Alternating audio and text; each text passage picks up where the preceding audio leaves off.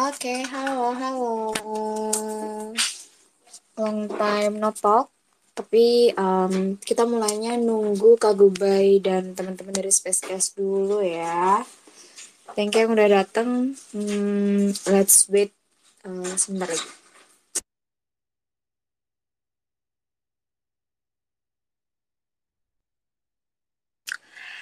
Halo Kak Gub. Yuk naik yuk. Gua invite to co-host dulu. The way, Kak Tasya kalau mau ikut diskusi uh, atau ngobrol dari awal boleh request to speak aja juga. Kak Gub, bisa di ACC nggak? Udah Oh. tahu. Kenapa Kak Gubay udah tahu apa? Udah di ACC. Uh, ya santai dong. Bentar, bentar, bentar. Aku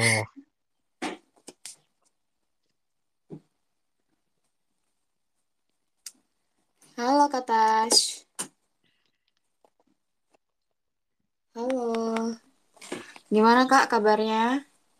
Eh, Alhamdulillah baik dan semoga seterusnya membaik. Amin. Amin, amin. Kak Gubay lagi ngundang ini ya?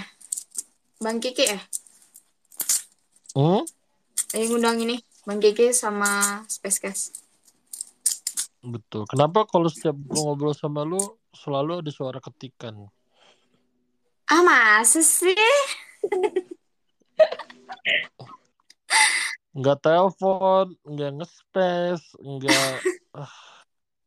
Kan gue ini multitasking. Tapi nggak baik sih sebenarnya. Harusnya fokus di satu hal saja.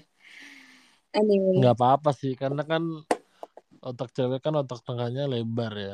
Coba cowok. Maksud Anda? Kalau cewek bisa multitasking, kalau cowok jarang bisa. Oh gitu. Eh tapi tau gak sih sebenarnya nggak baik tau multitasking tuh jadinya malah nggak apa ya? Menurut gue malah kontraproduktif gitu loh. Karena jadi nggak efektif dan nggak maksimal gitu. Kalau cewek mah bisa-bisa aja orang makhluk paling benar. Ada dua rules di dunia. Yang pertama, cewek selalu benar. Nah, rules kedua, kalau cewek salah, kembali ke rules pertama. gitu gak sih? Gak jelas. Tapi judulnya semuanya toxic. Iya, gue bingung gak mau judul apa. Masa gue gue bertanya mau mau judul lu toxic lu diem. Tapi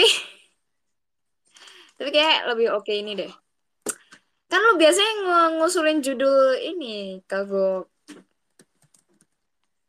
Se- Semuanya apa berlaku subjek nih? Semua orang gitu. Ya, semuanya tuh menurut gue ada sisi toksiknya masing-masing ya gak sih? Iya sih, cuman aku ngikutin ngikutin milenial saja deh Aduh. semuanya nih.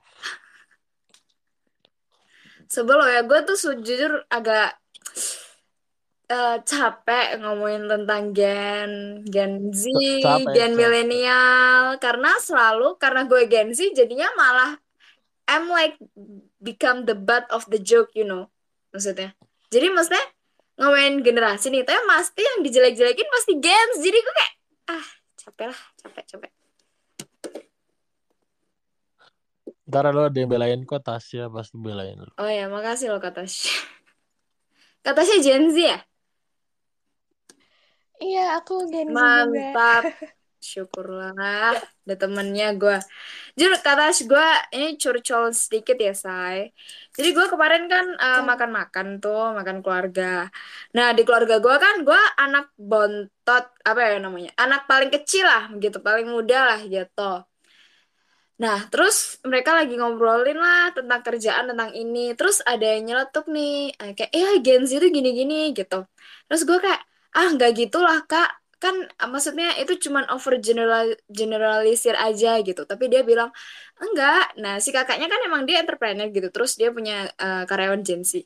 Dia tuh bilang enggak tapi karyawan gue yang Gen Z itu emang susah banget dibilangin. Jadi sekarang gue kayaknya pengen stop deh nge-hire karyawan Gen Z gini-gini.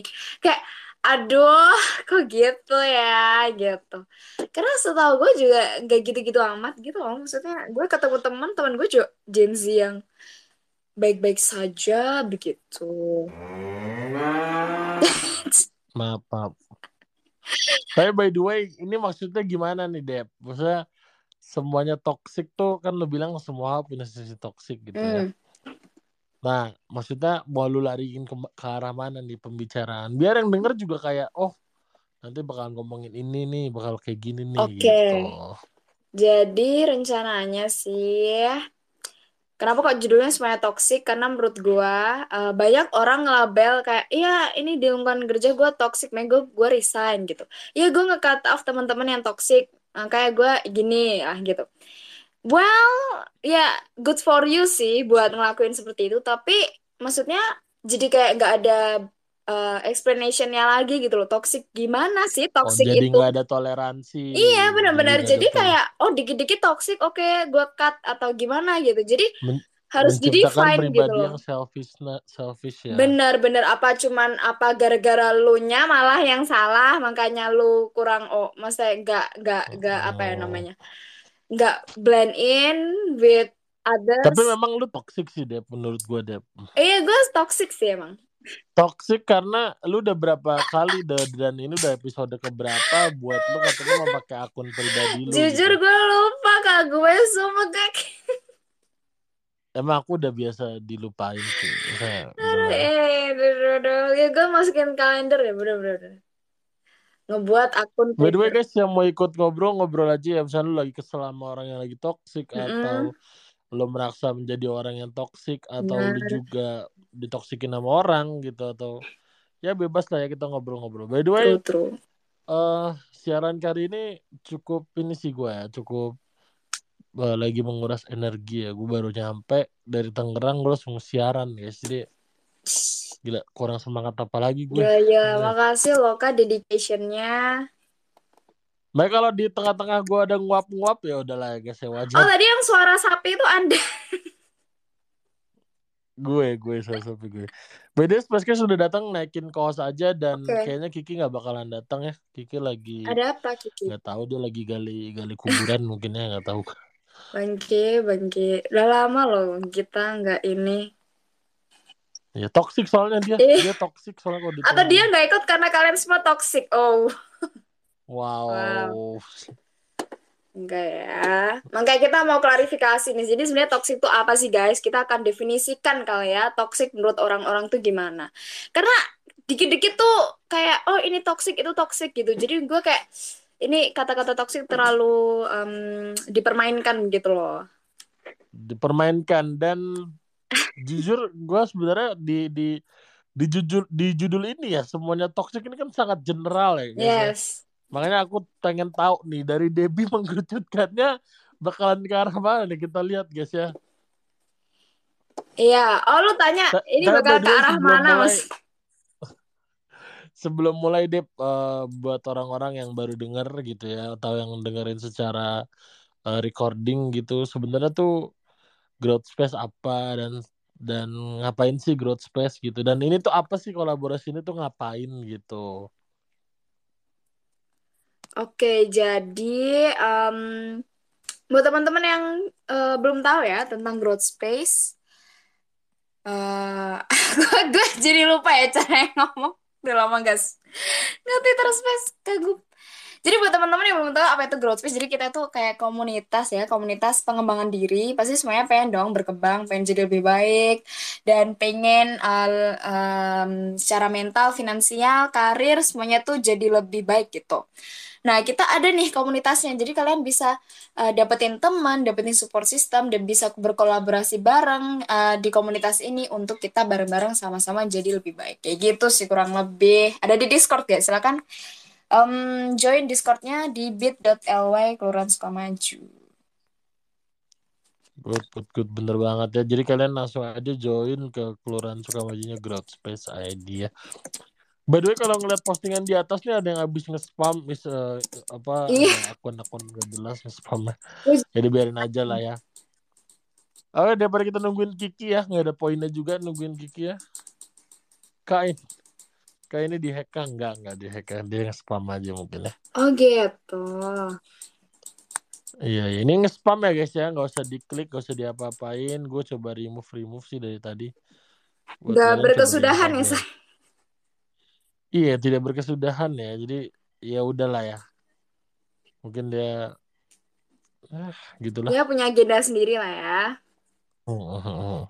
Oke, daripada kita ngomongin yang di atas, sebelumnya kita kenalan dulu nih dengan Growth Space ini kan tadi udah dibilang katanya dia itu adalah wadah untuk berkembang ya menuju menuju pribadi yang lebih baik gitu ya. Kalau Spacecast ID adalah wadah untuk apa ya? Kalian berkarya gitu ya. Jadi kalau kalian di Space di Spacecast ID itu kalau kalian pengen belajar berbicara, belajar beropini, terus kalian mungkin pengen nyari hal yang seru-seru gitu, bosen dengerin podcast yang cuman berdua doang gitu ya. Mendingan kalian join di podcastnya dan kalian punya opini sendiri gitu. Ada guys. bro, ada acara apa aja nih Kak di Spacecast? Oke, di Spacecast sendiri ada acara horor guys ya, ada acara horor, ada acara lagu-laguan kayak radio FM, ada juga eh, kayak podcast antara gue dan Kiki dan kalian semua dan ada juga yang terakhir tuh ada, puisi-puisi gitu deh. Jadi seru banget deh pastinya gitu. Waduh, waduh, keren banget dah. Oke, mungkin eh, kalau misalnya eh, teman-teman di sini eh, mau ngobrol bareng dari awal, mumpung kita belum mulai-mulai banget ya, bisa eh, request to speak aja. Kayak teman-teman kita di sini ada Kak Tasya, Kak Joyina, ada Bang Kiki. Halo Bang Kiki, akhirnya muncul juga Anda ya. Gitu, jadi silakan eh, request to speak aja. Betul. Nah, pembahasan pertama Toxic. yang mau lu bahas apa nih? Biasanya kan lu datang dengan keresahan-keresahan lu di dia. Bang Gup, gua kemarin kalau biasa kalau ngomongin-ngomongin generasi lu pasti Bang Gup gua kemarin diledek, gua kemarin ini. Oh iya, tentang Gen Z ya. Gue sekarang masih resah ya tentang Gen Z, tapi pasti kita ngobrol Gen Z mulu nanti nggak berkesudahan. Jadi em, bosen, bosen. bosen lah, juga, kayak capek. Gue juga capek lelah guys. Jadi kita ngomongin yang toksik-toksik aja. Jadi mungkin em, keresahan gue adalah yang tadi gue bilang ya, maksudnya kok kata-kata toksik ini eh, dengan mudahnya gitu loh dipakai kayak dikit-dikit toksik oke gue cut oh dikit-dikit toksik oke gue resign dikit-dikit toksik oke gue jauhin padahal kayak kadang jadi nggak apa ya nggak reflektif gitu loh apakah mungkin dirinya yang salah atau mungkin or salah paham tapi udah udah di udah dilabelin toksik aja tanpa penjelasan. Kan ada yang kayak gitu ya mungkin ada salah paham tapi nggak ah dia toksik gitu. Jadi si temennya atau siapanya nggak dikasih uh, waktu untuk menjelaskan dirinya gitu. Nah itu sih guys. Kalau misalnya kalian uh, menurut kalian gimana? Apakah menurut kalian toksik ini uh, definisinya itu berbeda setiap orang atau gimana tuh Nah, tapi sebelum lebih jauh nih, sebenarnya Hmm. kalau toxic sendiri buat lu tuh yang kayak gimana sih, Dep? Maksudnya oke biar orang-orang yang yang apa sih bang toxic toxic toxic kan artinya racun gitu. Maksudnya yes kenapa diomongin ke orang gitu, Dep? Coba tuh gimana tuh? jadi definisi toksik versi gua gitu maksudnya Iya, iya. Maksudnya apa sih yang lebih gampangnya biar dicerna orang gitu? oke Toxic. Kalau gue toxic ini yang inconsiderate jadinya dibil mau dibilangin mau di mau di Inconsiderate. Yang gampang loh bahasanya inconsiderate itu apa ya bahasa Indonesia? Eh, tidak punya empati misalnya atau toxic itu menurut gue ngomong sama orang Jakbar ya. udah Jabar biasanya. Ya toxic ini menurut gue yang tidak eh, dia yang mementingkan dirinya sendiri sih. Gitu deh toxic. Ya ya nggak sih? Ya nggak sih gitu Kalau Jadi- gue toxic eh, segala hal yang membuat eh segala hal yang membuat kita tidak nyaman secara perlahan tapi ya menurut gue. Oh. Jadi dalam apa pun kayak misalkan lu berhubungan sama orang, lu berhubungan sama bos lu, ketika lu dibuat tidak nyaman secara perlahan kayak mungkin perlakuannya yang dikit-dikit nyalahin lu dan segala macem gitu. Jadi menurut gue itu sih toxic. By the way sebelum udah baru mulai nih guys ya, udah ada yang DM gua katanya wanita itu toxic. Waduh. siapa yang DM memang Waduh. Siapa Waduh, yang waduh, berani waduh, berani? waduh. Weh, weh. Siapa ini? Jajan anda lagi kagum ini perkataannya. Enggak, enggak ini beneran ada yang DM gue. Gue nggak bohong ini ada yang DM, ada yang DM. Bang, menurut gue yang paling toksik itu wanita. Anjir. Kenapa? Mungkin Naik dong, naik dong. Iya Jangan- naik dong. Mungkin harus ditanya gitu loh reasonnya apakah punya punya pengalaman buruk kah dengan wanita? Tapi masa semua wanita kayak gitu sih gitu. Iya, iya, iya. Tapi memang di di di surat ya, Islam ada ya guys ya. Sesungguhnya tipu daya yang paling dahsyat itu tipu daya wanita. Ya Kayak ini ya yang dapat 5,1 m dari konser ya. Tipu dayanya emang mantap. Tapi pengalaman toksik lu terakhir kali lu bilang toksik itu apa deh? Maksud gue Terakhir kali. waktu nah, kejadian yang toksik di diri lu gitu. Terakhir Oh. kali itu apa? Gue pikir terakhir, terakhir kali bilang toksik. Terakhir kali bilang toksik waktu di Twitter Space. Ini terakhir kali kejadian toksik ya. Menurut gue Hmm. apa ya? Menurut gue setiap hari pasti ada ini loh. Toxic menurut gue eh, terlalu dilebih-lebihkan gitu sih kata-kata eh, bobot eh, katanya gitu loh. Menurut gue semua orang tuh pasti ada toxic-toksiknya. Iya nggak sih? Maksudnya nggak ada yang 100% kayak mm, baik banget atau 100% kayak innocent menurut gue nggak ada. Jadi walaupun gue uh, guanya toxic atau orang lain toxic, jadi kita konflik atau bersengketa ya ya kita alami hampir setiap hari ya nggak sih? Tapi Dan itu bukan alasan gue untuk ngekat mereka ataupun ngejauhin Nah, itu. ataupun ngegibahin. ngekat ngekat orang terakhir kali toksik gara-gara apa? Di kerjaan kah? Di di hubungan kah? Hmm. Kalau pacaran kan nggak mungkin, lu belum pernah gitu ya. Kenapa sih harus di-mention? Iya. Parah lu. Iya, maksudnya apa terakhir kali kenapa? Apa pertemanan? Apa apa waktu itu? Em, mungkin lebih ke gue nggak pernah ngekat orang ya gue cuman kayak oh ya sudah meminimalisir doang gitu loh kayak ya udah kalau misalnya ya kayak inilah kayak kalau ulang tahun tetap diucapin kalau misalnya eh, apa namanya eh Lu sama orang toksik aja ulang tahun masih ngucapin deh. karena gue Oh. dia terlalu memaafkan gimana tapi gini menurut gue orang itu dasarnya maksudnya nggak nggak sengaja untuk jadi toksik gitu loh ya Nggak nggak sih sengaja buat jadi toksik. Iya, tapi karena guanya itu malas mengingatkan, ya udah let ya biarkan mereka menjadi mereka gitu ya. Gue kayak ya udah urusan lu lah kalau nanti lu sama orang lain ada sengketa apa-apa ya biar lu sadar diri karena itu bukan tanggung jawab gue gitu loh buat ngingetin gitu. Dan juga juga Iya malas sih. kan. Iya bener-bener.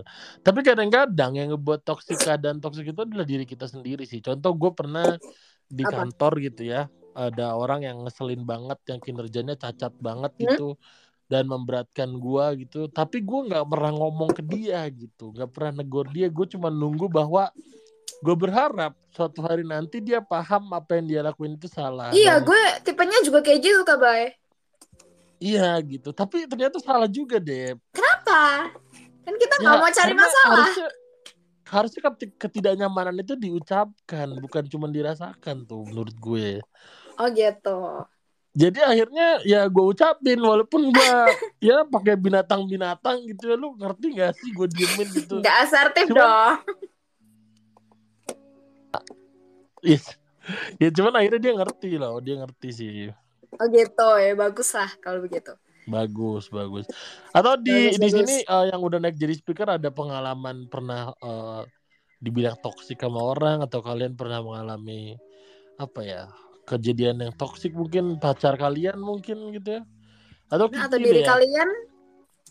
Atau Kiki itu kak Kiki lu ada cerita, tentang toksik gak Ki? Apa tuh kaki? ya kan toksik kayak begini nih. Naik ditanya. Nggak usah naik. Kalau ditanya anda diam. Gitu tolong. Ini kayaknya Kak Gubay hari ini agak e- emosi. ya Allah ya Allah Tapi kalau capek kita tapi tapi gue pengen nanya siapa nanya Tasya kali ya yang dari tadi udah ada di sini ya lebih ini ya. Tasya Tasya selamat malam Halo Kak, selamat aduh gue malam. kalau ini nggak bisa ngomel nih kalau kayak gini-gini nih Iya, kalau ini suaranya lebih lembut. Lebih merdu. Tasya, Tasya, kamu pernah ngalamin toksik gak sih? Dan ter- kapan terakhir kali kamu ngalamin ketoksikan itu? Entah apa pun ya, entah percintaan, pekerjaan, keluarga, boleh. Iya, iya. Ada sih, malah apa ya, beberapa hari belakangan ini justru Kak, kayak keluarga yang toksik ke diriku, terus aku yang toksik ke diriku sendiri, sampai Lo lo lo lo lo. lo, lo, lo. gimana itu spesifiknya? Masa keluarga? Self sabotage.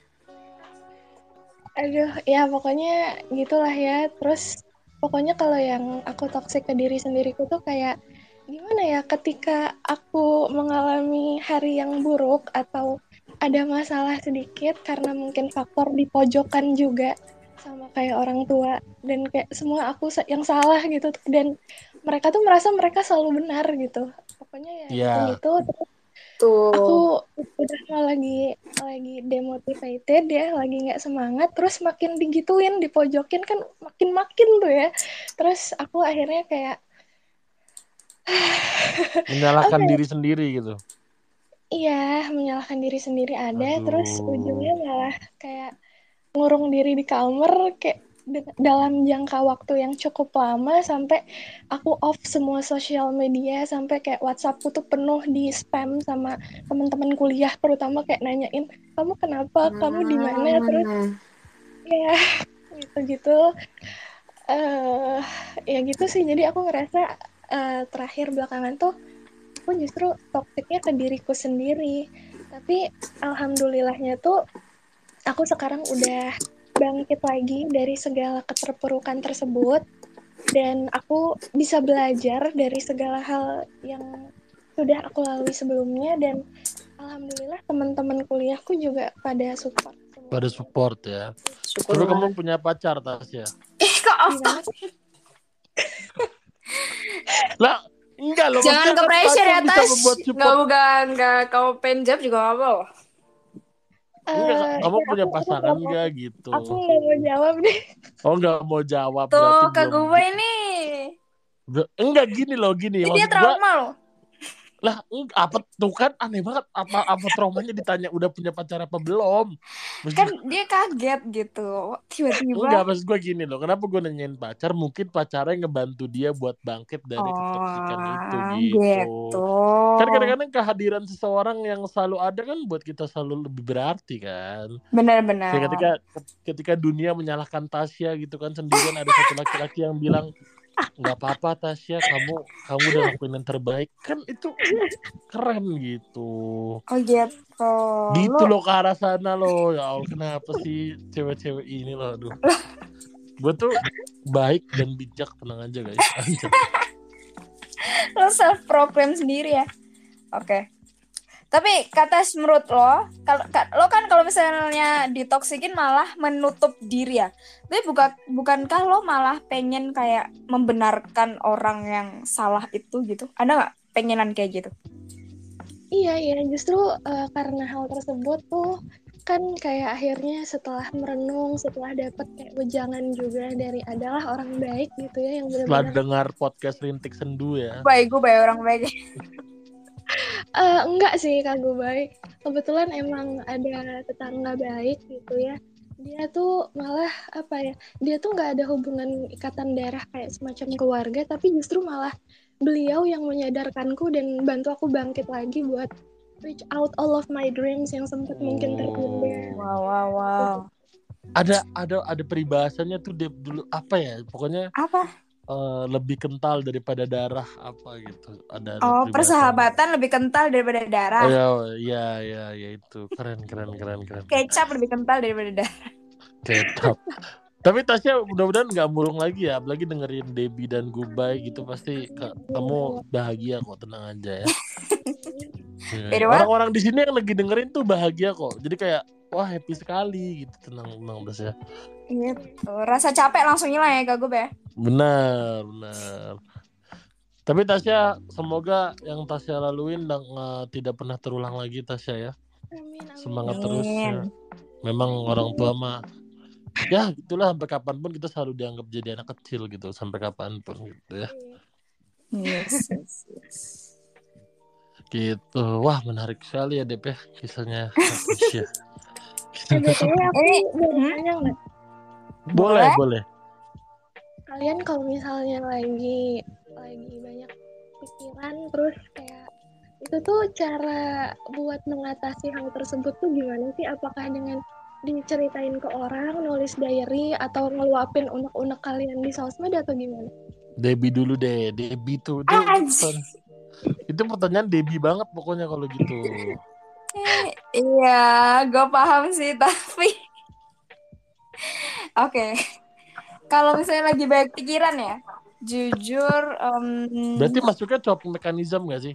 Bener. Iya ya benar-benar. Coping oh ya, chopping, siap, chopping, oke.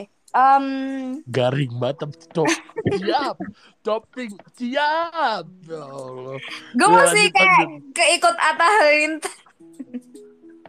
Ya Allah guys, Oke. sorry guys ya nontonnya Atta Halilintar sumpah growth space sumpah. eh bagus tau. Anyway, anyway. Jadi eh, kalau banyak pikiran tidur sih Tash. Maksudnya adalah Tidur. tidur. gue malah kalau misalnya banyak pikiran tuh antara gue tidur atau gue nonton eh, film, Makan makan nggak? makan juga. Pokoknya gue kayak memanjakan diri gitu. Kalau banyak pikiran sebenarnya gue malah lebih ke em, manjain diri dulu. Abis itu kalau udah moodnya udah happy, maksudnya udah Hmm. mendingan lah ya, udah nggak sepanas tadi, baru gue nulis kayak kerja kayak ataupun eh, ngebuat action plan gitu. Ya nggak action plan, action plan banget ya. Ini kayak terlalu keren gitu Growth- sebutannya. Tapi nulis nulis. memang gitu ya. Konsepnya harus positif positif terus gitu ya. Kayak tidak Iya, manusiawi gitu ya Allah. Gue bilang tadi gue ini nonton makan gitu Oh kan. nonton, tapi kan positif. Iya benar. iya dong harus positif Iya, dong. iya. Makanya gue gue tahu sih gue nggak cocok di growth space, tahu sih banyak negatifnya kayaknya. Bud. Enggak enggak. Tapi malah gue tuh malah sekarang malah pengennya kalau banyak pikiran tuh cerita ke orang, pengennya gitu. Tapi masih belum apa ya? Belum terbiasa kali, belum eh eh, ya masih belajar sih buat lebih ke eh, nyeritain ke orang, lebih ke eh, lebih open kayak gitu sih. Karena menurut gue Hmm, dengan open lu kayak bebannya lebih berkurang gitu. Gitu. Oke. Setuju. Kayak gitu Tasya kalau dari Debbie. Kurlep ya. Atau Kalau- kalian punya punya cara lain guys buat mengcoping mekanisme ketika kalian lagi penat banget gitu ya biar Tasya punya masukan gitu. Atau kita tanya siapa kayak tanya Joyina kayaknya mereka seumuran sih Tasya dan Joyina ya. Halo Joyina. sampai beda umur. Deh, denger ini suara Joyina nih. Halo Joyina, Halo Kak Joy. lagi teleponan sama Kiki kayaknya ya.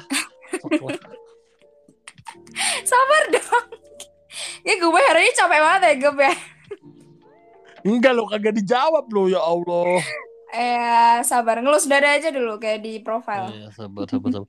Mungkin sambil nungguin Joyna, gue jawab coping mekanisme gue. Kalau Hmm. tadi growth space ngasih yang positif-positif, gue ngasih yang negatif-negatif deh ya. Kalau gue, balance. gue teriak-teriakan guys sambil ngebut-ngebutan gitu ya, naik motor. Sumpah lu. Serius, serius, serius. Gue kalau pulang kerja, kalau gue stres banget, gue di di jalanan gitu, gue teriak aja gitu kayak, wah gitu. Atau apakah gitu. Kayak, ya Allah kapan saya kayanya gitu. Teriak aja gitu. Tapi lega bener loh, lega tahu beneran gak bohong. Sumpah lu. Karena adrenalin itu dapat apa ya, mengeluarkan ini kestresan kita gitu. Tapi jangan ditiru ya guys ya, jangan ditiru, jangan ditiru ya. Ya teriaknya oke lah. Kebutan kebut kebutannya jangan. Kebutuhannya jangan, jangan, jangan. Kecuali buru-buru mendapatkan si dia sebelum diambil orang lain itu boleh. itu. Oke oke. Gitu ya. Waduh menarik sekali. Nanti kalau kalian kalau kalian ada yang mau ditanyain lagi kayak Tasya, boleh juga ya growth space ya. Yes boleh banget boleh banget. Ini ada Kak Bayu naik. Ini mungkin lebih bisa menjawab kali ya tentang coping Boleh, mechanism. coba aja tanya Kak Bayu coba. Kak Debi tanya Kak Bayunya coba. Hah? Kak Debi tanya Kak Bayunya. Oke deh. Ya ampun kalian kayak anak-anak yang saling suruh menyuruh gitu. Ya udah aku yang inisiatif. Halo semuanya. Izin Halo, bergabung ya. Enggak, soalnya gini Bang Ini Bayu? Devi sambil ngetik Bang Bayu. Devi Ya. Eh. Ini tuh bukan ketikan keyboard ini tuh dari bolpen gue ketik-ketik gini loh. Sudah, Klarifikasi sudah. ya. Ini sudah mau penghujung mau ngomong Bang Bayu, Bang 2023. Bayu. Iya. Jangan lagi saling menyalahkan, Oh, saling iya, menyuruh. benar. menyuruh. Siapa aja inisiatif. Kak gue lagi sensi. Bang Bayu. Ah, Hmm. Mungkin ada dua pertanyaan ya buat Bang Bayu ya. Pertama, eh, toxic menurut Bang Bayu ya. Kedua, coping mechanism di Bang Hmm, Bayu benar. sendiri.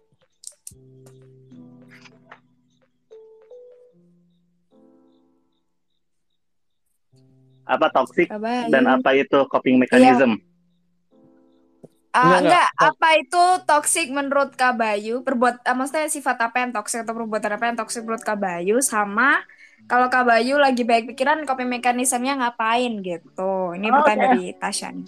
Oke.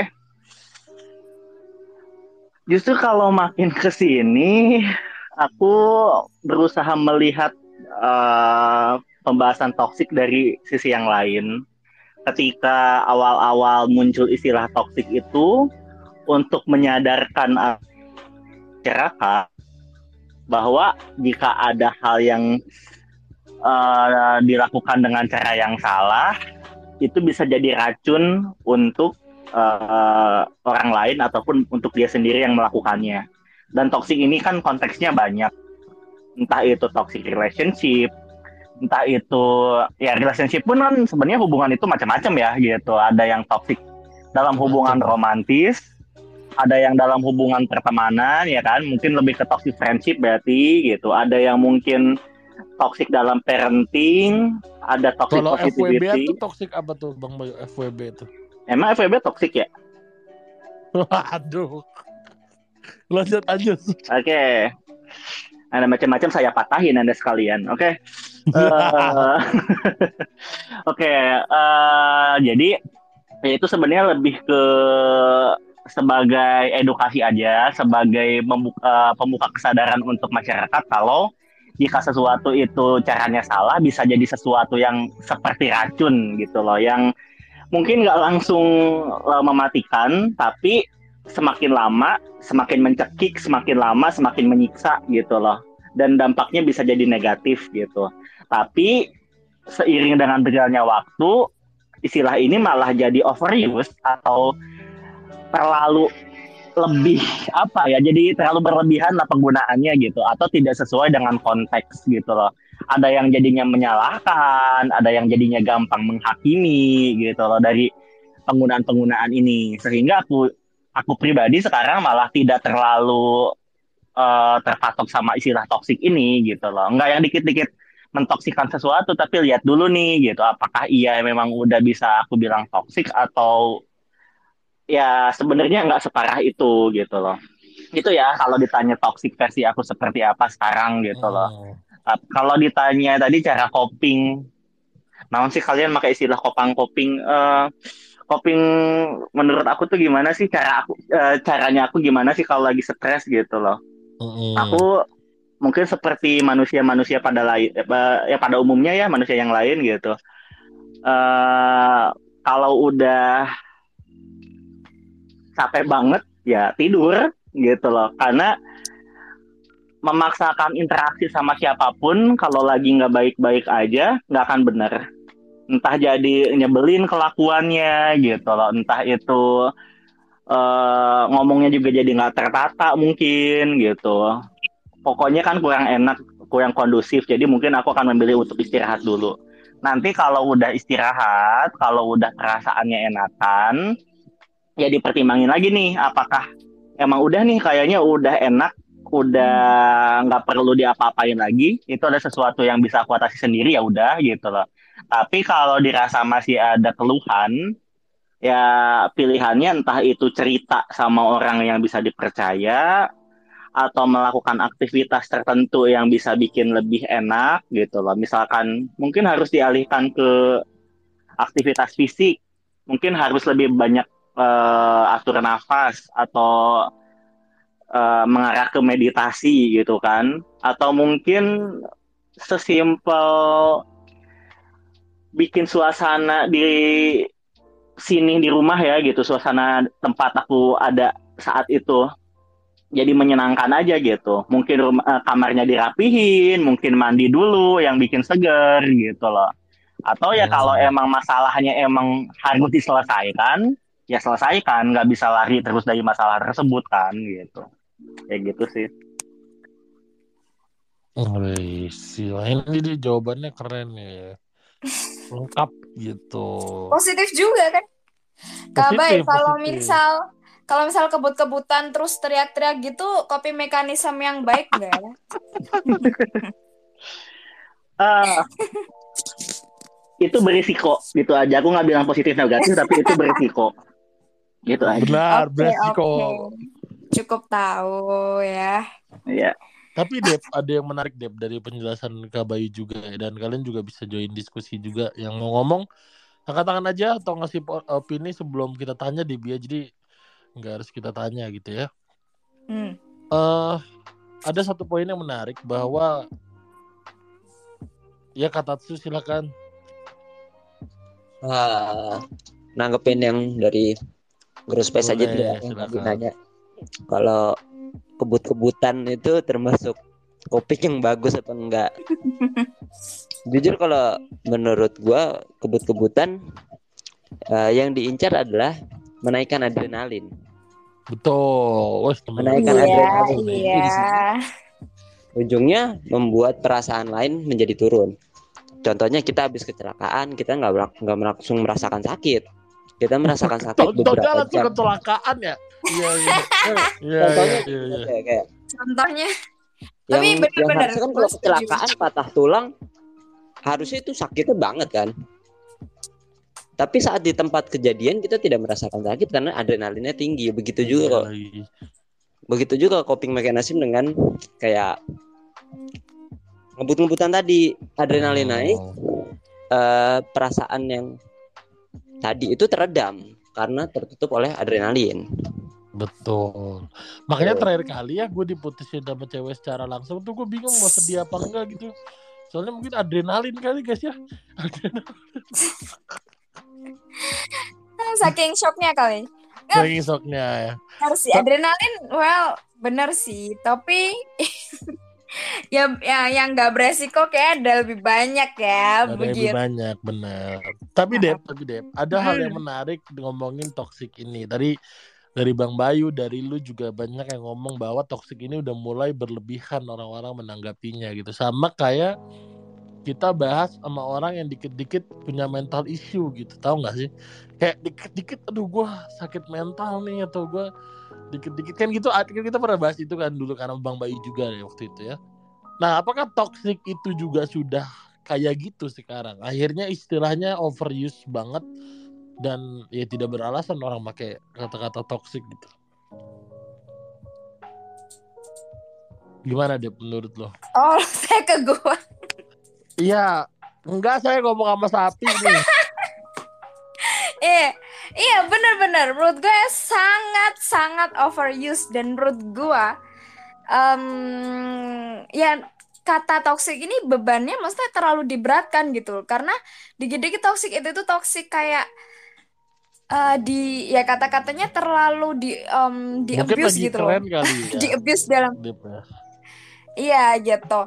Dan menurut gue ya semua orang itu pasti ada jelek-jeleknya gitu loh. Mungkin ya entah itu namanya toksik atau enggak, pasti ada jelek-jeleknya. Dan kalau misalnya orang-orang kayak mikir iya gue um, jauhin dia karena dia toksik gue resign karena ini toksik tapi abis itu ya udah di, di, di berlindung di balik kata toksik tanpa ngejelasin oh toksiknya kenapa?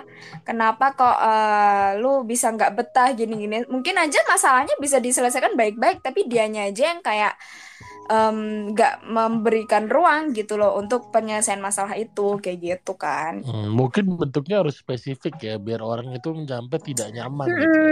bentuk toksiknya kenapa apa? begitu nggak semua hal tuh toksik loh gitu nggak semua salah paham tuh toksik loh ya kan iya, sih iya, iya. Kita, Gitu. katanya di DM Joina udah balik kan tadi lu eh, kepo kan Maksudnya kayak emang mereka seumuran Tasya dan Joina nih Joina udah balik nih awas aja sampai mic-nya masih di mute ya halo Joina Halo Kak Gubai. tuh kan seumuran kan Dep gue bilang Tahu dari mana? suaranya Dep suaranya Oh gitu. iya Emang gitu bisa bisa gitu. iya tahu suaranya eh. masih muda banget gitu kayak suara gue kan kayak 18 banget kan suara gue Kayak deh. Tapi Joina, kamu punya batas toksik ke diri kamu sendiri nggak? Maksudnya eh, lo bakalan anggap orang itu toksik kalau kalau apa tuh? Hmm.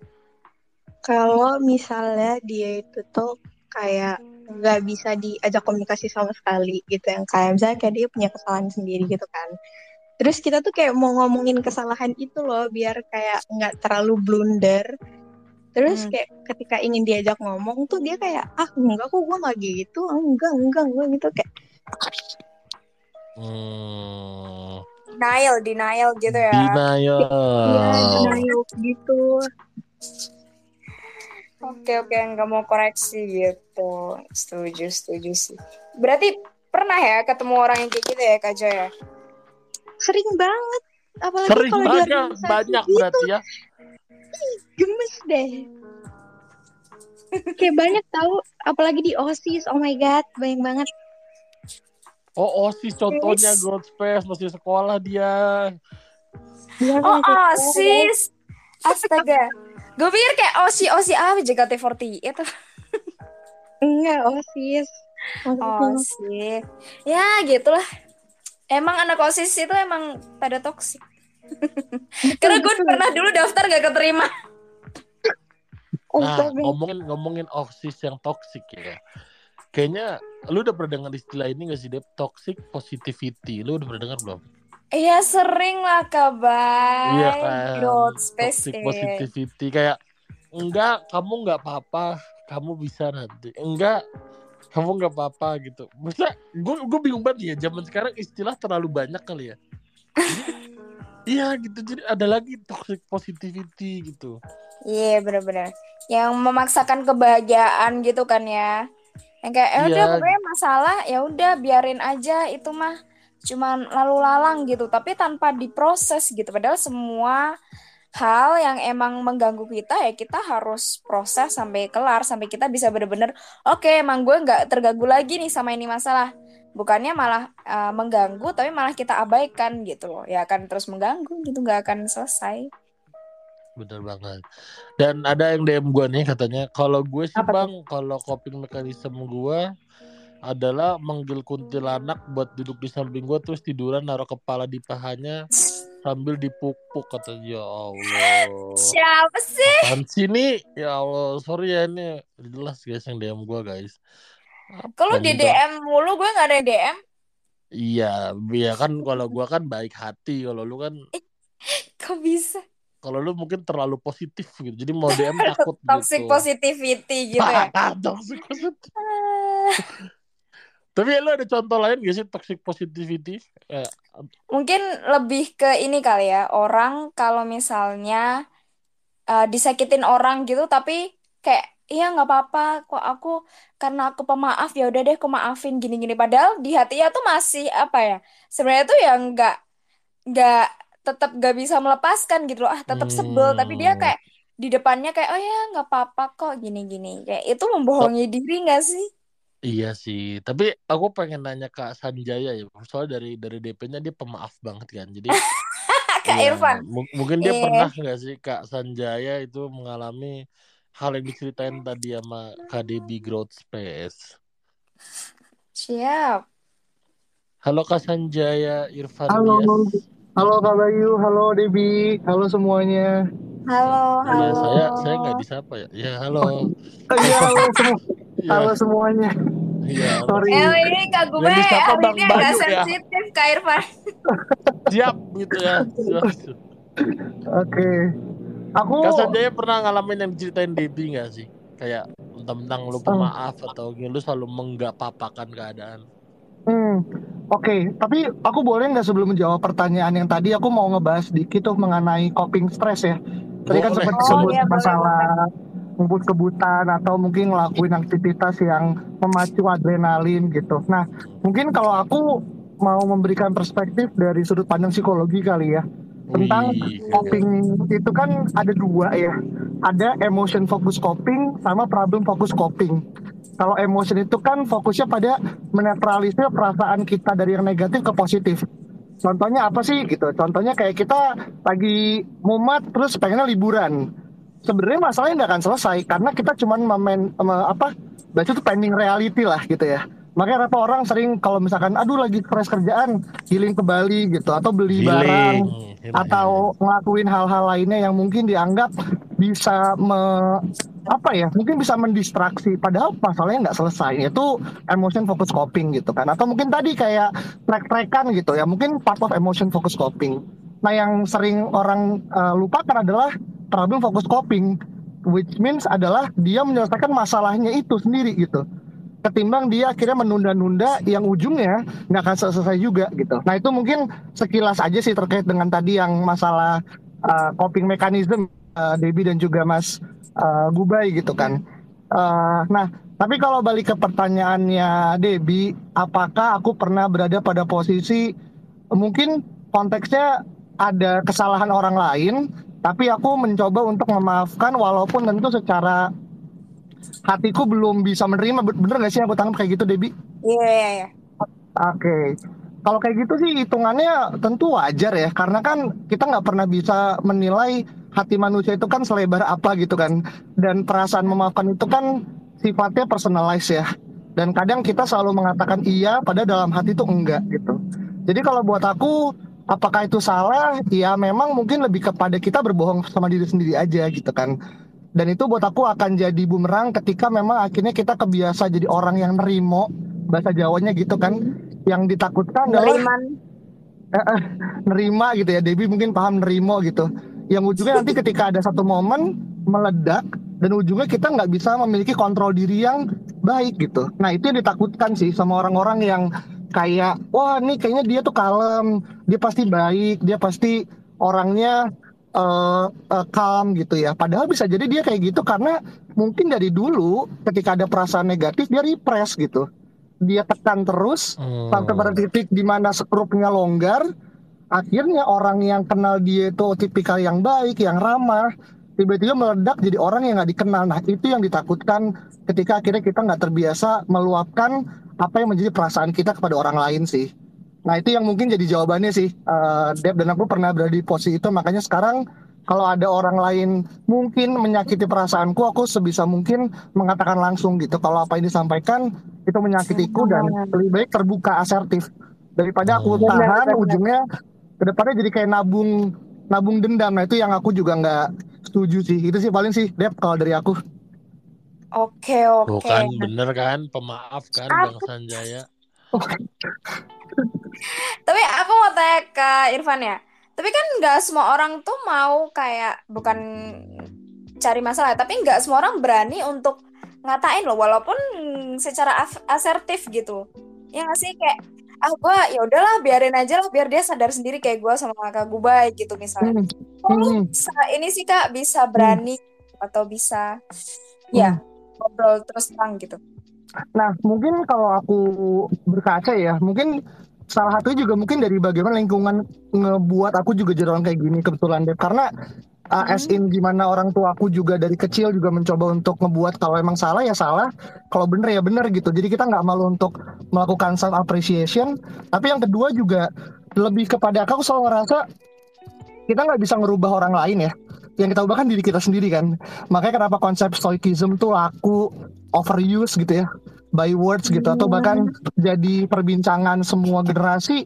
Dan buat aku ya karena memang itu adalah salah satu bentuk cara untuk kita paham nggak ada yang bisa memulai selain kita sendiri gitu. Makanya yang dibilang sama Michael Jackson kan, I'm starting with the man in the mirror kan.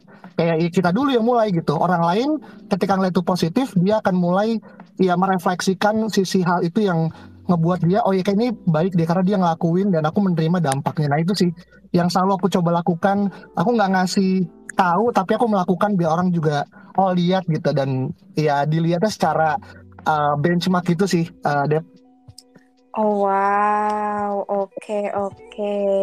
Oh jelas sekali ya penjelasannya ya. Lugas sekali, bagus. Ya ada Bang Bayu mungkin yang mau nambahin silakan.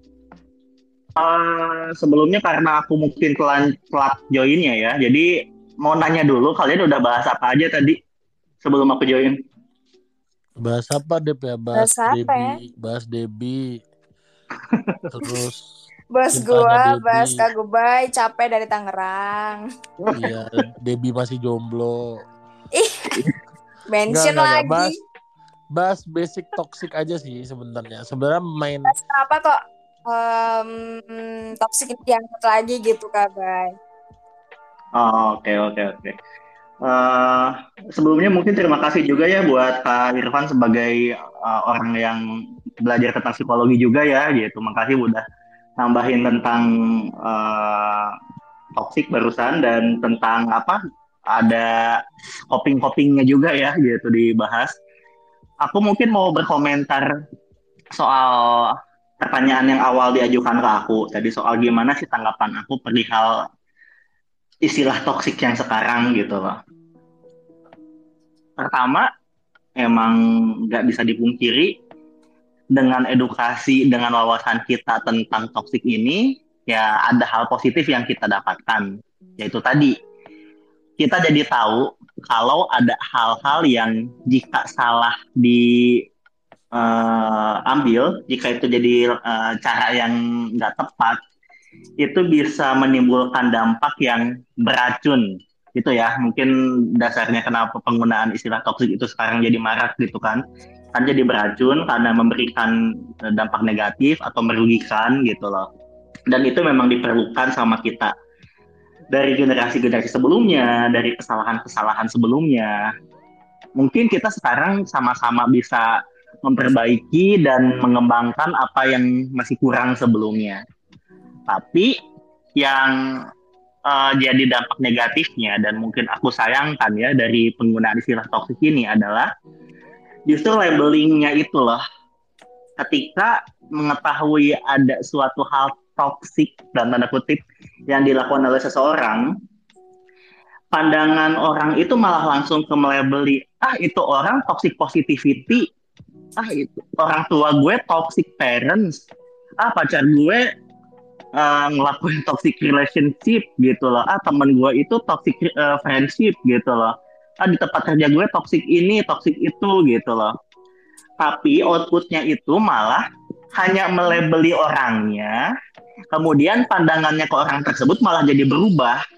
Mungkin jadi ada pandangan benci, jadi ada pandangan nggak suka, atau malah jadi menghilangkan nilai-nilai yang ada pada orang tersebut gitu loh. Ketika orang tersebut dia anggap berkaitan sama toksik yang uh, dia temukan itu ya gitu. Entah temennya uh, melakukan toxic positivity itu ke dia gitu loh. Atau mungkin orang tuanya dia anggap jadi toxic uh, parents itu gitu ya. Padahal yang diperlukan itu adalah menurutku tetap menyadari kalau yang namanya manusia itu yang nggak ada yang sempurna. Di balik teman-teman yang mungkin kita anggap aku bilangnya kita ya gitu. Karena aku juga pasti pernah uh, ada di posisi ini gitu loh. Teman-temannya kita anggap melakukan toxic positivity itu mungkin hanyalah seorang yang sedang berusaha untuk memberikan kebaikan sedang berusaha untuk mengeluarkan kita dari kesedihan berusaha untuk cepat-cepat melihat kita bahagia dan nggak dan nggak mau melihat kita dalam kondisi yang bermasalah, sedih dan sebagainya. Hanya saja mungkin caranya bukan cara yang cocok atau bisa kita terima gitu aja. Begitupun orang tua kita yang kita kasih label toxic parent itu. Aku tidak menampik ya gitu, uh, walaupun semua orang bisa belajar di usia berapapun ya gitu. Tapi aku merasa semakin aku tambah usia, cara pandang aku terhadap sesuatu pun berbeda gitu loh. Termasuk ketika dulu aku bisa jadi orang yang sangat bersuara terhadap kekurangan orang tuaku. Sekarang aku merasakan kalau gila ya jadi orang tua susah banget apalagi zaman dulu orang tua gue nggak punya Google nggak punya tuh acara webinar gimana caranya ngadepin remaja. Yes. gitu loh. Jadi akhirnya aku seka- makin sekarang aku makin ngelihat kalau di balik mungkin perilaku yang aku sebut itu toksik dari orang tuaku gitu loh. Ya mereka hanyalah seorang manusia yang pertama kali punya anak. Pertama kali punya anak pertama pertama kali punya anak kedua pertama kali punya anak ketiga dan sebagainya begitupun yang lain-lainnya gitu loh. Entah itu toxic friendship lah terus eh, toxic eh, relationship lah gitu loh. Memang ada beberapa yang mungkin kategorinya udah parah. Memang ada yang dengan label toxic itu kita harus sadar kalau mungkin selain diselesaikan dengan cara komunikasi yang asertif memang ada yang mungkin tidak bisa dilanjutkan lagi ya gitu. Seperti hubungan percintaan yang memang sudah eh, selayaknya diakhiri gitu loh atau pertemanan yang mungkin tidak bisa sejalan gitu loh. Dan itu disadari dari istilah toksik itu. Tapi ya, jangan sampai kita hanya mentah-mentah melebeli orang tersebut toksik dan menghilangkan value-value atau nilai baik dari orang tersebut. Dan hanya melihat ya sebagai se- segundukan toksik yang kita tahu ini gitu loh. Gitu sih. Mantap. Thank you, Kak Bay. Kurang Thank lebih you Kak Bayu atas penjelasannya. Robi sudah dijelaskan banyak ya yang pengen gue jelaskan juga sudah terwakilkan oleh Kak Bayu. Betul betul. Tapi gue punya Iya. pertanyaan nih buat Apa tuh? Kak Bayu atau Kak Sanjaya mungkin ya, atau atau siapa pun lah yang mau ngasih gue saran karena gue lagi resah banget nih deh. gue Apa punya temen yang kayak nyiksa dirinya sendiri gitu karena dia tidak mau terbawa oleh satu hal kesetresan dia akan satu hal dia akhirnya menyiksa dirinya sendiri dengan cara kerja yang overuse menurut gue dan Oh. dan menyiksa dirinya sendiri gitu. Dan dia udah mulai sadar bahwa ini tidak baik dan tidak sehat tapi dia bingung mau ngapain gitu. Nah gue juga pengen ngasih saran ke dia juga bingung. Jadi dia tuh kayak toksik ke dirinya sendiri gitu ya kayak menganggap bahwa uh, overwork ini baik buat dia dan segala macam Eh, kalian ada saran nggak? Gue tuh harus bilangin ke dia tuh kayak gimana gitu. Biar dia tidak apa ya gampang masuknya lah atau segala macam gitu ya. Mungkin Kak Bayu atau Kak Sanjaya bisa jela- bantu jelasin. Atau yang lain bisa ikut nimbrung juga nggak apa-apa. Gimana Oke, tuh? ngingatin temen yang toksik ke dirinya sendiri gitu advice buat yang pelariannya mungkin jadi workaholic kali ya Kak Bay. workaholicnya bener-bener workaholic gitu loh. Gue gue kasih contoh ya. Eh, dia masuk dia kerja mulai dari jam 7 pagi pulang jam 5 sore lanjut kerja lagi sampai jam 12 malam. Jam 12 malam lanjutin freelance dia lagi sampai jam 4 pagi begitu terus setiap hari. Bahkan Sabtu Minggu dia kerja 24 jam tanpa tidur. Terus itu setiap hari dia lakuin sih. Dan katanya menurut dia gue mendingan ngerjain ini daripada gue mikirin hal-hal yang bikin gue stres kata dia gitu. Nah itu tuh gimana ya? Mau kasih sarannya ya Bang Bayu ya? Atau siapa yang mau ngasih pendapat ke gue? Oke Kak Irfan mau nggak duluan?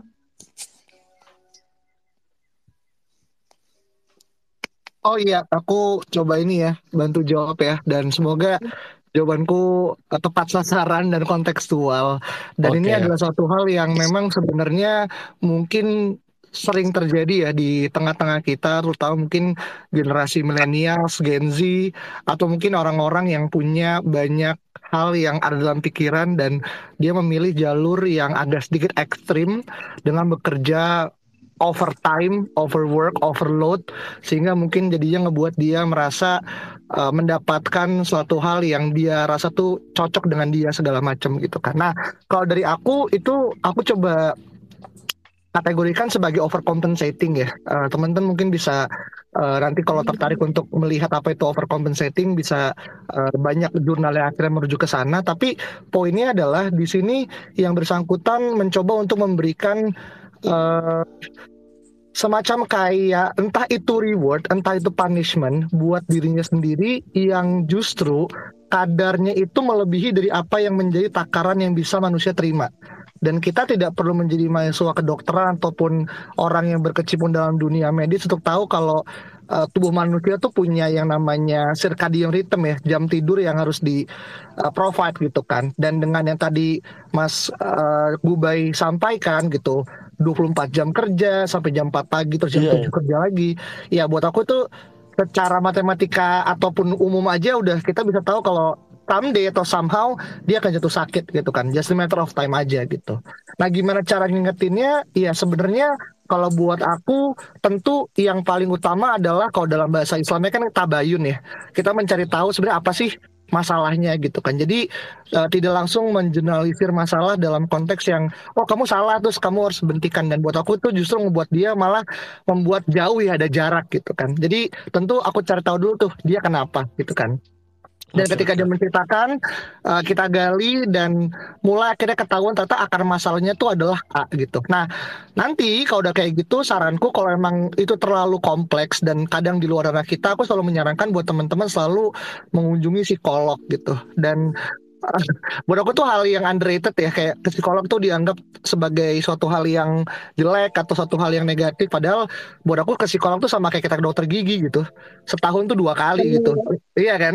Eh, itu kan hal-hal yang selalu buat aku jadi seolah jadi kayak masih pantangan terlepas seberapa kenceng kita ngomongin masalah isu kesehatan mental tapi dikotomi ke psikolog dan kita belajar kesehatan mental tuh seolah tuh kayak dua hal yang berbeda jauh tuh gitu kan. Nah itu sih kalau dari aku ya karena sekali lagi aku nggak bisa menghakimi karena itu temannya Mas Gubay tapi saran dari aku sih lebih ke kita sebagai teman support system memberikan okay. sarana yang positif lah gitu kan hanya tanpa penghakiman here and now uh, understanding dia dan dia mungkin akan cerita dan kita sarankan ke hal yang lebih uh, membuat dia ngerasa lebih berkembang sih. Paling gitu sih, Mas Gubay dari aku. Oke. Berarti kalau masalahnya terlalu kompleks dan menurut kita udah kita tidak mampu atau bukan ranah kita lebih baik menyarankan dia ke psikolog ya. Buat aku itu yang paling memungkinkan sih, paling karena mungkin ya. Okay, karena aku okay, okay. selalu ngerasa kayak jangan sampai the death of expertise itu masuk ke semua dari kita gitu kan tadi bilang kayak kenapa sih orang tuh banyak atau overuse kata-kata eh, apa namanya kayak mental health atau apa sebenarnya aku hmm. pribadi ya ini kalau aku boleh menyinggung sedikit buat aku nggak hmm. ada yang salah dari apa itu kenapa banyak orang mengatakan uh, mental health coping segala macam justru itu adalah tanda kalau ilmu atau suatu pengetahuan itu inklusif ketika semakin banyak orang membicarakan gitu kan.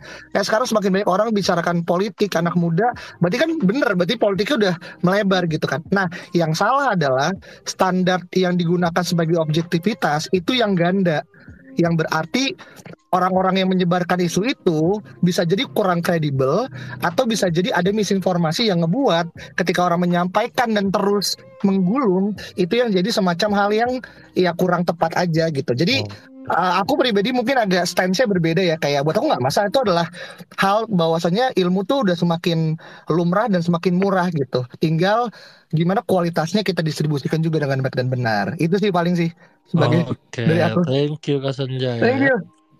Thank you ya. Oke, okay. Bang Bayu mungkin tadi mau nambahin juga tentang kasusnya temen gue gitu atau gimana? Oke, okay. uh, eh, aku sepakat ya eh, sependapat sama yang Kak Irfan bilang juga soal sebenarnya saat kita jadi teman curhat atau teman berbaginya seseorang yang pertama itu adalah memberikan dia kenyamanan dulu gitu. Jadi benar banget sebelum kita langsung uh, nyuruh dia A, nyuruh dia B, ngelarang dia A, ngelarang dia B, ya cari tahu dulu gitu loh. Memang aku diingatkan sama Kanago waktu itu, Kanago Tejena, psikolog ya gitu. Kalau salah satu alasan dari seseorang itu terlalu over sama sesuatu, misalkan terlalu fokus sama media sosial, terlalu fokus sama uh, bekerja terus gitu ya, sampai melebihi batas normal uh, yang sehat gitu itu mungkin ada sesuatu yang bermasalah ya gitu dari dalam dirinya gitu mungkin ada sesuatu yang tidak dia nikmati dari relasinya apakah dia mungkin tidak nyaman dengan uh, rumahnya apakah dia mungkin sedang menghindari sesuatu dan sebagainya gitu. Tapi alih-alih kita berasumsi kan coba disampaikan lagi ke dia gitu loh. Coba kamu refleksi lagi coba kamu uh, renungkan lagi kira-kira ya akarnya itu apa.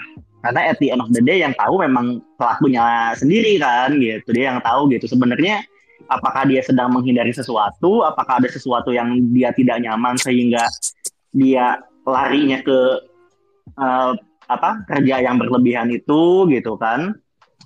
Terus yang kedua ya sebenarnya uh, ada penelitian-penelitian juga yang mengatakan kalau kerja yang berlebihan juga tidak terlalu baik, hasilnya tidak terlalu signifikan uh, bedanya daripada yang kerja dengan istirahat yang balance ya gitu.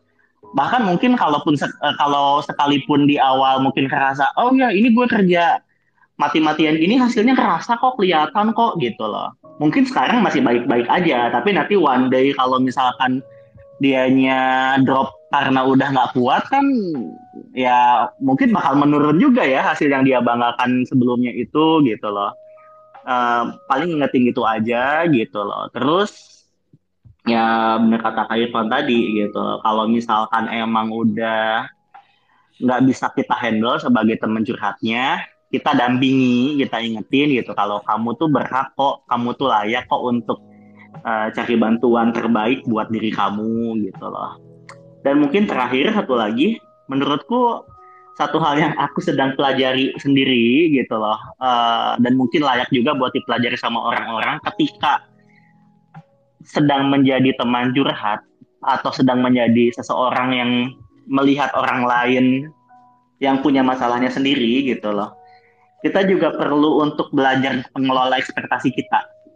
Kadang-kadang kita sebagai orang yang peduli gitu loh, kita suka greget aduh kenapa sih dia tuh nggak mau untuk ngelakuin hal yang aku katakan gitu loh gue udah bilang A dia tetap aja ngeyel gitu di B gitu kan ya tahu sendiri gimana uh, apa akibatnya gitu kan. Suka ada perasaan-perasaan seperti itu gitu. Pahamin kalau penerimaan dan proses tiap orang itu kan beda-beda. Dan tugas kita memang bukan untuk mengatur dia harus gimana gimana sesuai mau kita. Kadang-kadang cara belajar terbaik seseorang itu bukanlah menelan mentah-mentah apa yang dikatakan sama orang lain, tapi dia ngalamin dulu, dia membuktikan dulu, baru dia paham, oh iya ternyata ini tuh begini gitu loh.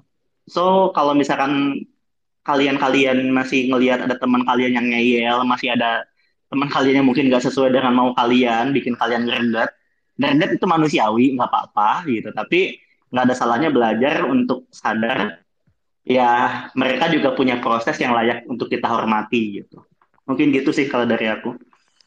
Wow. Bagus banget ya tips-tipsnya dari uh, Kak Irfan dan Bang Bayu dan buat orang buat orang-orang yang ada di bawah yang lagi dengerin dan mau jadi pendengar yang baik gitu ya. Biasanya kan kalau cewek-cewek suka didengarkan gitu. Ini tips-tipsnya tadi dikasih tahu banyak banget deh dikasih tahu ya sama buat kalau kalian bisa menolong teman kalian yang lagi toksik ke dirinya sendiri gitu. By the way, Dep, ada satu speaker yang udah naik dari tadi tapi belum ngobrol sama sekali nih. Ada ada, ada Kamis Tipsi, woi. Sama Kak Ares juga. Sama Kak Ares juga. Kita ke Mas Tipsi dulu deh, baru itu ke Kak, Kak Ares ya. Kalau Kak Miss Tipsi, Selamat pagi, selamat pagi. Biasaan BBM gua enggak. Selamat malam Gamis Tipsi, ya Allah. Hai, bye, apa kabar? Berisik gak gue? Baik. Aman. Berisik aman. gak? Aman. Oh, enggak, enggak. Aman, aman. Oh. Lagi di mana by the way? Lagi karaoke kah? Lagi party? Kenapa lo nanya begitu giliran ke gue ya Allah? Lah, enggak, kan berisik. Masa gue nanya oh, lagi iya. tahlilan kan enggak cocok. Oh, iya, iya benar. Apa baik? Kamu pernah nggak uh, ngalamin toxic? Bisa kamu menganggap orang lain toksik atau menganggap diri kamu toksik terakhir kali kapan? Waduh, terakhir kali kapan? Terakhir kali belum lama sih kayaknya. Dan kenapa gitu waktu itu? Kenapa? Uh, tapi gue sebenarnya dari tadi milih dengerin karena gue pengen tahu sebenarnya eh, persepsi toksik sendiri itu apakah kita ke orang Hmm. Maksudnya efek dari orang ke kita atau dari diri kita sendiri ke diri sendiri. Maksudnya gini, um, kan kadang kita ngerasa sikap lu gak banget deh ke gue gitu kan. Hmm. Tapi kan kita nggak bisa ngatur dia kan. Tadi kayak ada yang ngomong juga Mas Bayu kalau masalah. Tapi kita, gue membiarkan orang itu terus uh, membiarkan orang itu melakukan ke minusannya dia ke gue gue membiarkan itu gitu kayak ah nggak apa-apa kali gue masih bisa nahan gue masih bisa nahan sebenarnya yang bikin toxic gue sendiri kan bukan orang itu paham gak maksud gue? Jadi misalnya dia jeleknya apa nih? Dia jeleknya kalau ngomong kasar. Tapi gue Hmm. berusaha bertahan gue menurut gue kayak enggak kali ya nanti juga berubah. Enggak kayak padahal dia ya udah dia aja dari dulu begitu gitu Ber- berarti kamu bertahan sampai kamu suka dikasarin. Maksudnya, bukan oh, bukan maksudnya bukan. lebih lebih ke gue tau nih gue nggak suka. Tapi gue Hmm. terus aja nge-abuse diri gue dengan dengan harapan dia nextnya bisa lebih soft nih gitu kan. Padahal gue tau gue nggak suka dan dan gue sakit digituin tapi gue tetap mau aja gitu. Nah menurut gue toxic itu bukan dengan misalnya orang itu punya apa kita bilang sekarang red flag banyak gitu ya. Nah gue nggak akan bilang lo toxic. Enggak justru yang toxic tuh ketika gue membiarkan diri gue menerima untuk disakitin terus kayak gitu gitu. Jadi menurut gue ketika suatu hubungan itu toksik ya berarti di gue bukan di orang itu. Orang itu memang dia udah jadi dirinya sendiri emang sifatnya jelek kan gue yang mau terima. Gitu. Jadi gue maksa mema maksa menerima itu. Nah itu baru menurut gue jadi toksik buat diri sendiri kalau menurut gue itu. Makanya tadi gue coba dengerin dulu toksik menurut teman-teman yang lain tuh gimana. Gitu. Gitu. Oke, Nah, oke, oke. oke. Gitu, Debbie. Sesuatu yang Nah. dipaksakan tidak baik, Debbie. Benar, benar. Tuh gue jadi berpikir ya, apa mungkin em, karena toxic itu, maksudnya ada pasti orang yang nganggep gibah itu toxic, ada yang enggak kan? Kayak gitu loh. Pasti ada pain point, pain pointnya sendiri gitu. Oh kalau dia nyakitin gua dan gue terus nerima, oh ya berarti eh, ya gue nggak bisa gini terus itu nama aja gue ngetoksikin, ngetoksik, apa sih bahasanya? Ngetoksikin diri gue Nyakitin diri sendiri sih sebenarnya Iya benar. Nah, tapi itu ter- apakah menurut kalian um, pain pointnya orang tuh beda-beda gitu loh? Mungkin orang in orang ini kita anggap toksik, tapi mungkin orang lain nggak nganggap. Pen point, pen point Iya. maksudnya sudut pandang, sudut pandang dan subjektivitas kali ya. Iya iya, Oke, oke, oke, pandangannya berbeda gitu loh tentang mungkin kalau si A ini toksik menurut gua, tapi si B nggak nganggap si A ini toksik kayak gitu kan ya. Jadi mungkin ada trigger-triggernya sendiri dan mungkin trauma-traumanya sendiri gitu yang mungkin diusik atau yang membuat dia nggak nyaman gitu. Iya, makanya tadi gue bilang kayak sifat jelek orang yang kita sebenarnya tuh nggak suka tapi dipaksain gitu. Makanya itu Mhm. kan sangat subjektif sih menurut lo dia toksik, menurut gua enggak dan sebaliknya.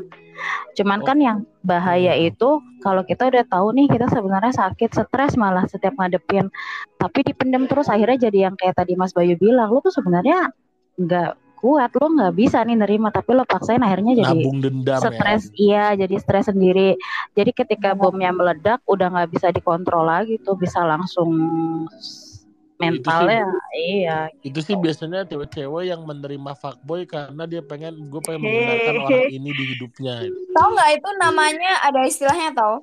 hero Apa? syndrome ya hero apa Ya benar, superhero syndrome. Nah, kalian pernah nggak nih punya sindrom ini? Jadi superhero syndrome tuh kalau orang merasa kayak ah gue itu bisa loh ngerubah orang ini jadi lebih baik atau gue tuh bisa Mm-mm. ngebuat dia tuh sembuh gitu. Superhero superhero dia yang sakit. Bener, jadinya malah lu nya sakit dan orang lainnya juga eh, nggak berubah-ubah gitu loh. Jadinya malah mengerugikan diri sendiri. Oh Iya, tapi gitu. mungkin batasan toksik ya kalau ngomong nanti subjektivitas mungkin batasannya taunya diri sendiri kali ya.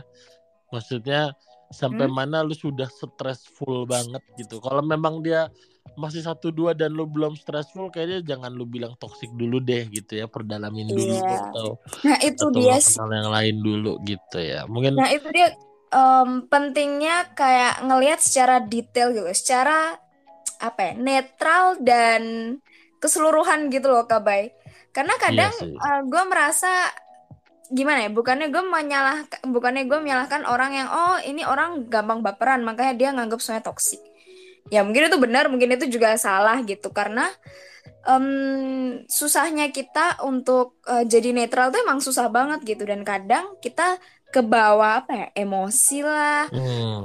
udah terlalu sakit hati terus terlalu um, gelap Tapi mata lah jadi kayak nganggap ah lu tuh toxic banget. Ini gini gini. Terus jadinya udah gue nggak mau lagi sama lu gini gini padahal mungkin dia hanya emosi saat atau gimana Tapi gue kayak gitu. punya tips nih Dep buat orang-orang yang mudah menjudge toxic ya atau apa tuh menjudge orang.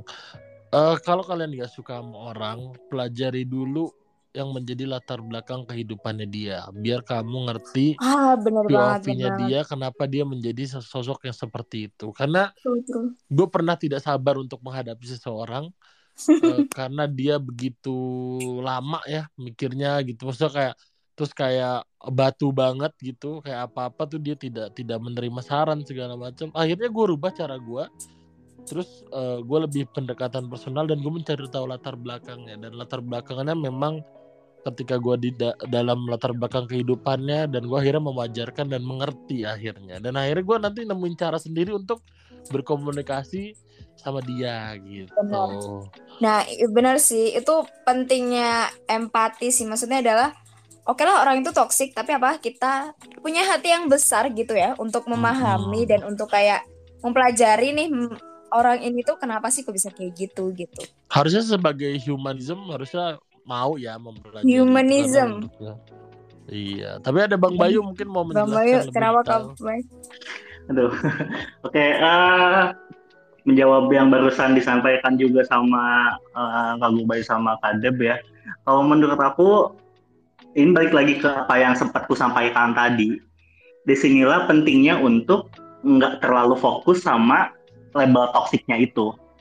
Tadi kan udah sempat disinggung sama Mas Irfan Sanjaya ya, dan aku setuju ya gitu soal kita nggak bisa memungkiri kalau wawasan-wawasan tersebut tentang toksik ini kan memang sesuatu yang positif juga ya. Maksudnya dengan kita sekarang tahu eh, hal-hal seperti ini, berarti kan kita udah lebih terbuka, kita jadi lebih tahu hal-hal baru yang pada masa sebelumnya mungkin belum dikenal secara luas gitu loh. Tapi supaya enggak terkotak-kotakan begitu aja, ke yang jadinya kita malah ngelabelin orang seenaknya toksik toksik toksik Eh, lebih baik kita fokus ke apa yang dia lakukan bukan ke ya udah labelnya dia toksik titik gitu loh. Karena kadang-kadang kalau cuma fokus sama toksiknya itu terlalu luas kita nggak suka sama apanya sih gitu loh. Apakah karena dia orangnya emosional? Apakah dia orangnya posesif? Apakah orangnya suka silent treatment? Apakah orangnya suka apa gitu loh. Fokuslah sama kesalahannya atau sama sesuatu yang menurut kita nggak berkenan itu. Karena bedanya gini, kalau kita langsung fokus sama dia toksik, secara tidak langsung, secara tidak sadar pelan-pelan, itu malah membiasakan cara pandang kita jadi jelek ke dia. Kayak dengan satu istilah toksik itu, udah itu bisa menutupi banyak baiknya dia. Langsung kayak dimatikan dengan ya udah dia tuh toksik, titik gitu loh tanpa sadar kita jadi menjauhi, kita jadi lupa sama kebaikannya gitu loh, kita jadi mungkin nggak mau mengandalkan dia lagi dan sebagainya gitu loh. Kalau dengan toxic itu kayak ya udah kayak kayak kayak udah apa ya, udah all in gitu loh satu istilah bisa matiin semua. Tapi kalau kita fokus ke kurangnya apa atau salahnya apa, itu bisa membantu kita untuk lebih asertif mengkomunikasikannya ke dia, dia jadi lebih tahu apa yang salah dan mungkin bisa diperbaiki gitu. Ataupun ya setidaknya kalaupun kita nggak bisa menyelesaikan masalah itu, maksudnya kalau ya udah gitu dia orangnya tipikal yang dikasih tahu tetap ngeyel atau emang nggak bisa dikasih tahu ya gitu. Sekalipun mungkin nggak bareng lagi gitu loh atau perlu untuk uh, menjauh gitu loh. Setidaknya kita nggak ngelihat dia dengan satu paket ya udah dia toxic enggak gitu. Ya gitu sih. Benar banget ya. Seenggaknya walaupun kita nggak cocok, tetaplah melakukan hubungan-hubungan hubungan-hubungan yang humanis ya gitu. Kalau ada kerjaan segala macam. Jangan meng-cut off gitu aja gitu ya. By the way, aduh banyak banget nih yang request uh, Debbie ya pada tapi kita udah mau di ujung acara gitu ya. Sebelum sampai ujung acara, mungkin ada Ares yang mau ngasih statement tentang toxic toxic ini dari tadi udah naik nih Ares. Silakan Ares. Silakan Mares. Eh, Statement apaan ya?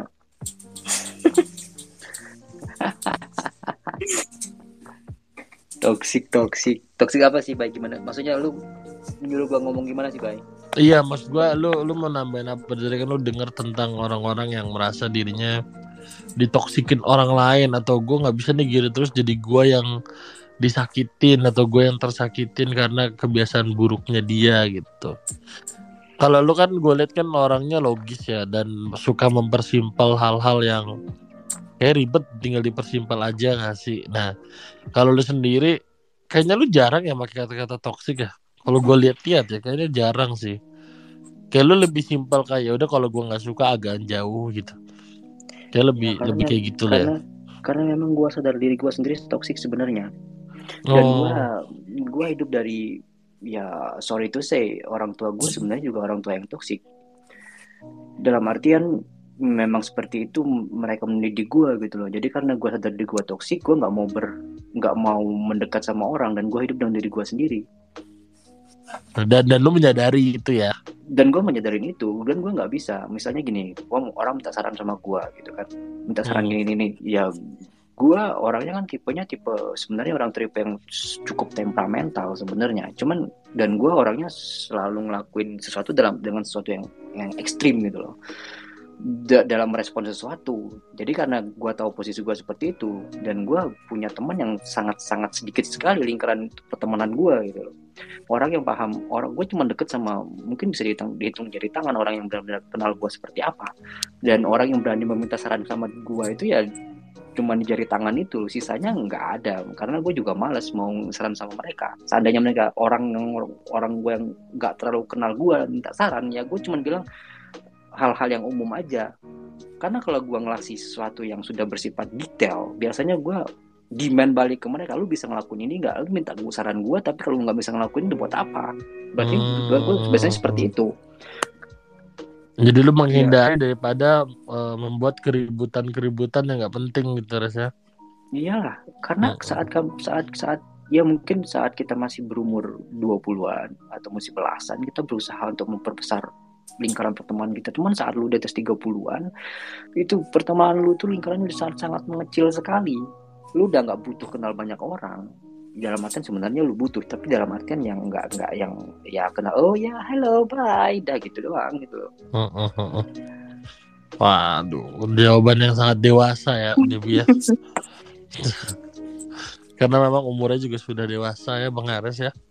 ya, Nah. emang- ya udah 60 tahun sisanya Tapi by the way, eh, Deb gimana nih judul toxic toxic kali ini sesuai dengan apa yang lu pikirin kah waktu Sesuai- kita brainstorming sesuai banget. gitu. Sesuai banget ya. Bagaimana dengan pembicaraan malam ini lu terpuaskan kah dengan responden-responden para pembicara? gue terpuaskan sih dan gue pertama kan takut ya maksudnya bukan takut sih maksudnya kayak agak ragu kayak toxic apa orang bosan kali ya ngomongin toxic mulu gitu kan toxic sebenarnya udah agak basi gitu loh kabai saya sekarang ya walaupun masih digunakan tapi udah jarang lah kita Basi kayak di lingkungan lu, di lingkungan gue yang tinggal di kabupaten kayak jarang pakai kata toxic anjir. Ah, enggak maksudnya kan di Twitter kayak maksudnya sekarang udah ya masih pakai gitu kata-kata toxic tapi udah kayaknya udah berkali-kali diomongin lah tentang Terus toxic yang lagi- ini, toxic Yang lagi itu. tren apa dong sekarang? yang lagi tren Pemilu. memang kayak itu gue masih nggak tahu makanya gue milih toxic Oke. Tapi by the way kesim eh, kesimpulan boleh atau kata-kata terakhir yang kata terakhir, kata-kata penutup jangan buat terakhir judul dong ini dari lu nih kan lu kan yang yang memperkarsai judul ini nih. ah oke ya gue em, jadi lu bilang kata-kata terakhir gue jadi gue jadi em, thank you ya guys. Maksudnya gue jadi apa ya eh, gue pikir toxic ini maksudnya orang-orang eh, udah nggak interest dan udah kayaknya ya udah toxic em, emang overuse. Tapi ternyata banyak banget perspektif baru yang gue temuin sih di sini gitu. Dari Kabay, Kak Irfan, Bang Ares, Kak Gubay, itu juga dari Tasya kayak ada beberapa yang udah hilang juga gitu. Eh, dan kenapa sih gue seneng banget sama diskusi hari ini? Karena jadi tahu sih maksudnya oh toxic itu memang benar bahwa setiap orang tuh definisinya beda-beda dan mungkin orang-orang yang anggap ini tuh toxic belum tentu orang lain nganggap itu toxic. Dan kenapa sih kok toxic ini menurut gue agak lumayan agak harmful ya kalau misalnya terlalu sering digunakan? Karena kita jadi lupa gitu buat ngelihat um, actionnya action yang kurang baik gitu sebenarnya. Jadi gampang aja ngelabelin oh itu toxic gitu. Tapi mungkin Jadi aja judgmental ya. benar-benar jadi ngebuat kita lebih judgmental gitu. Padahal mungkin actionnya eh, nggak sejahat itu atau nggak toxic lah gitu. Itu sih mungkin Kak Bayu mau menambahkan juga nih ya. Oke, eh, penutup dari aku. Istilah toksik ini sudah sepantasnya menjadi hal yang membantu kita untuk lebih tahu apa yang pantas dan tidak pantas dilakukan. Kapan sih kita perlu untuk melanjutkan sesuatu? Kapan kita sadar kita harus berhenti dan memilih jalan lain untuk hal tersebut? Dengan istilah toksik ini, yang diharapkan adalah kita punya pemahaman yang lebih baik bagaimana untuk menolong diri kita, bagaimana untuk menolong orang lain, bukan untuk memecah belah, bukan untuk memisah-misah, bukan untuk mengkotak-kotakan manusia menjadi sesuatu yang terbatas. Mudah-mudahan dengan sharing yang dilakukan malam ini, ini bisa membantu siapa pun yang lagi join. Mudah-mudahan yang sedang ada masalah dan terkait dengan hal-hal toksik dalam tanda kutip ini bisa menyelesaikan semua. Mudah-mudahan kita dikuatkan, kita ditenangkan, kita diikhlaskan, dan kita bisa bertumbuh menjadi manusia yang lebih baik lagi. Wow, keren sekali ya. Mantap, mantap. Duh, sayangnya pembicaraan yang keren ini kita harus akhiri ya, KDB ya. Yes. Karena KDB-nya sibuk guys ya. Bisa dia mau ke Zimbabwe dia. Bis- Kan aku kasihan juga kamu gue capek gitu. Aduh, pengertian sekali ya. Ekspresiku adalah avaku kalau gitu ya. Benar. Tapi tapi keren banget sih pembahasan kali ini dan buat kalian yang udah request to speak tapi kita nggak ACC kita minta maaf Debi ya atau Yes. yang atau yang nanya tapi nggak sempat kita sampein gitu tapi tenang aja kita mungkin bakalan bisa balik lagi Dua minggu lagi. dua minggu lagi ya kalau kalian Yes. mau ngasih judul bisa DM Growth Space ya atau DM Benar, gue benar. boleh Tolonglah kasih tolonglah kita ya kasih inspirasi judul ya. Tolong gitu ya karena Growth Space ini semua judulnya positif gitu jadi kalau bisa judul negatif gak apa-apa Kan ini gitu ya. toxic nih. Gue ikutin cara space kayak slow udah. Oh iya. Oke, tapi paling kata-kata terakhir dari gue adalah em, belajarlah mentoleransi orang lain jauh lebih jauh lebih dari biasanya. Latihlah hati lu untuk selalu lebih luas dari biasanya. Biar lu juga bisa diterima oleh orang kebanyakan dari biasanya ya. Paling gitu, selamat istirahat semuanya ya. Semoga besok hari kalian menyenangkan gitu ya. Gua goodbye dan host kita nih yang paling membahan nih. Min Grow Devi. Kita, pamit. Sampai jumpa dua minggu lagi. Dua minggu lagi. Dadah Bye-bye. semuanya. Love you all.